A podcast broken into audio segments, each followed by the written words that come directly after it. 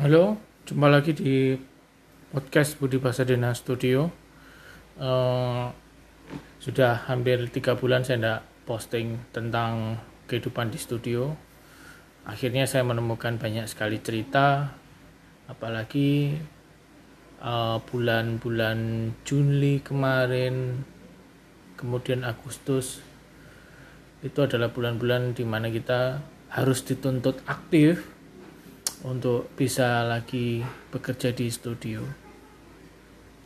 Jadi mungkin ada beberapa teman yang memang alhamdulillah bersyukurnya mereka tidak harus terpaksa libur karena pandemi, tapi saya memutuskan untuk memang rehat selama pandemi, kemudian kita berpikir untuk membuat uh, metode bisnis baru untuk home recording supaya tetap bisa jalan walaupun dengan minimum kontak atau ketemunya sangat berbeda ketika sebelum pandemi. Mungkin saya termasuk golongan orang-orang yang istilahnya uh, tidak terlalu apa ya istilahnya tidak terlalu uh, mengambil semua job. Jadi saya harus memilih-milih job karena memang tidak bisa dipungkiri selama enam bulan terakhir ini banyak sekali perubahan perilaku dari konsumen studio eh, terutama di studio saya di mana jumlah produksi yang melibatkan banyak orang sebenarnya sudah mulai turun volumenya di akhir atau di awal 2019 jadi secara pribadi studio saya sudah ada katakanlah pemanasan atau persiapan bahwa memang jumlah untuk orang rekaman turun. Akhirnya berpengaruh juga ke faktor pendapatan ya, di mana uh, memang studio ini salah satu istilahnya salah satu tempat untuk bekerja untuk mencari pendapatan. Akhirnya harus menerima keadaan bahwa pendapatan itu turun Kemudian di awal 2020 uh, eh, ada ada gonjang-ganjing pandemi, otomatis ini akan memukul banyak sekali industri, tidak terkecuali untuk studio rekaman. Untungnya uh, studio rekaman memang banyak sekali perubahan pola bisnisnya yaitu di mana dulu memang menjadi tempat center atau uh, tempat orang untuk berkreatif melalui lagu, memproduksi musik atau karya-karya audio. Itu menjadi istilahnya apa? Senternya titik temunya di situ.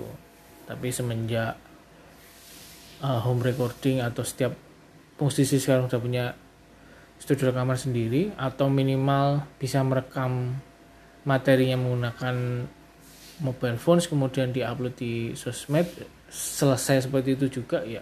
Banyak memang orang mengalihkan produksinya ke rumah masing-masing. Tapi yang jadi titik kejutan adalah semenjak ada gonjang-ganjing masalah cover songs dan saya sendiri mengambil sikap bahwa uh, cover song di Indonesia memang agak sedikit rumit dari beberapa musisi besar juga berpendapat seperti itu karena mekanisme izinnya kemudian mekanisme uh, lebih ke teknikal bisnisnya memang agak rumit dibandingkan ketika kita mengcover lagu dari artis luar. Jadi ada dua jenis klien di studio yaitu klien yang memang atau pelanggan yang memang memfokuskan diri untuk menulis lagunya sendiri. Kemudian ada juga klien yang memang berproduksi menggunakan materi orang lain. Nah, pada saat pandemi kemarin akhirnya saya memutuskan untuk hanya mengerjakan project-project yang memiliki karya hasil dari musisi itu sendiri dalam artian karya original.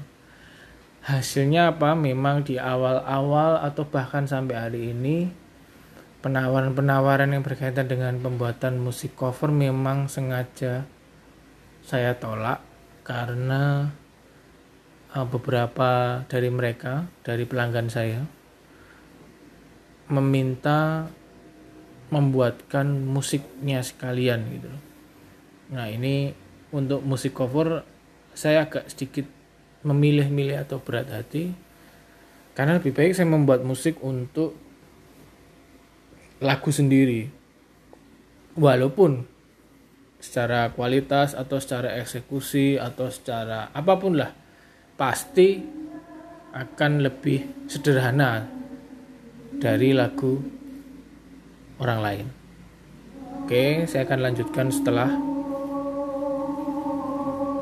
ini.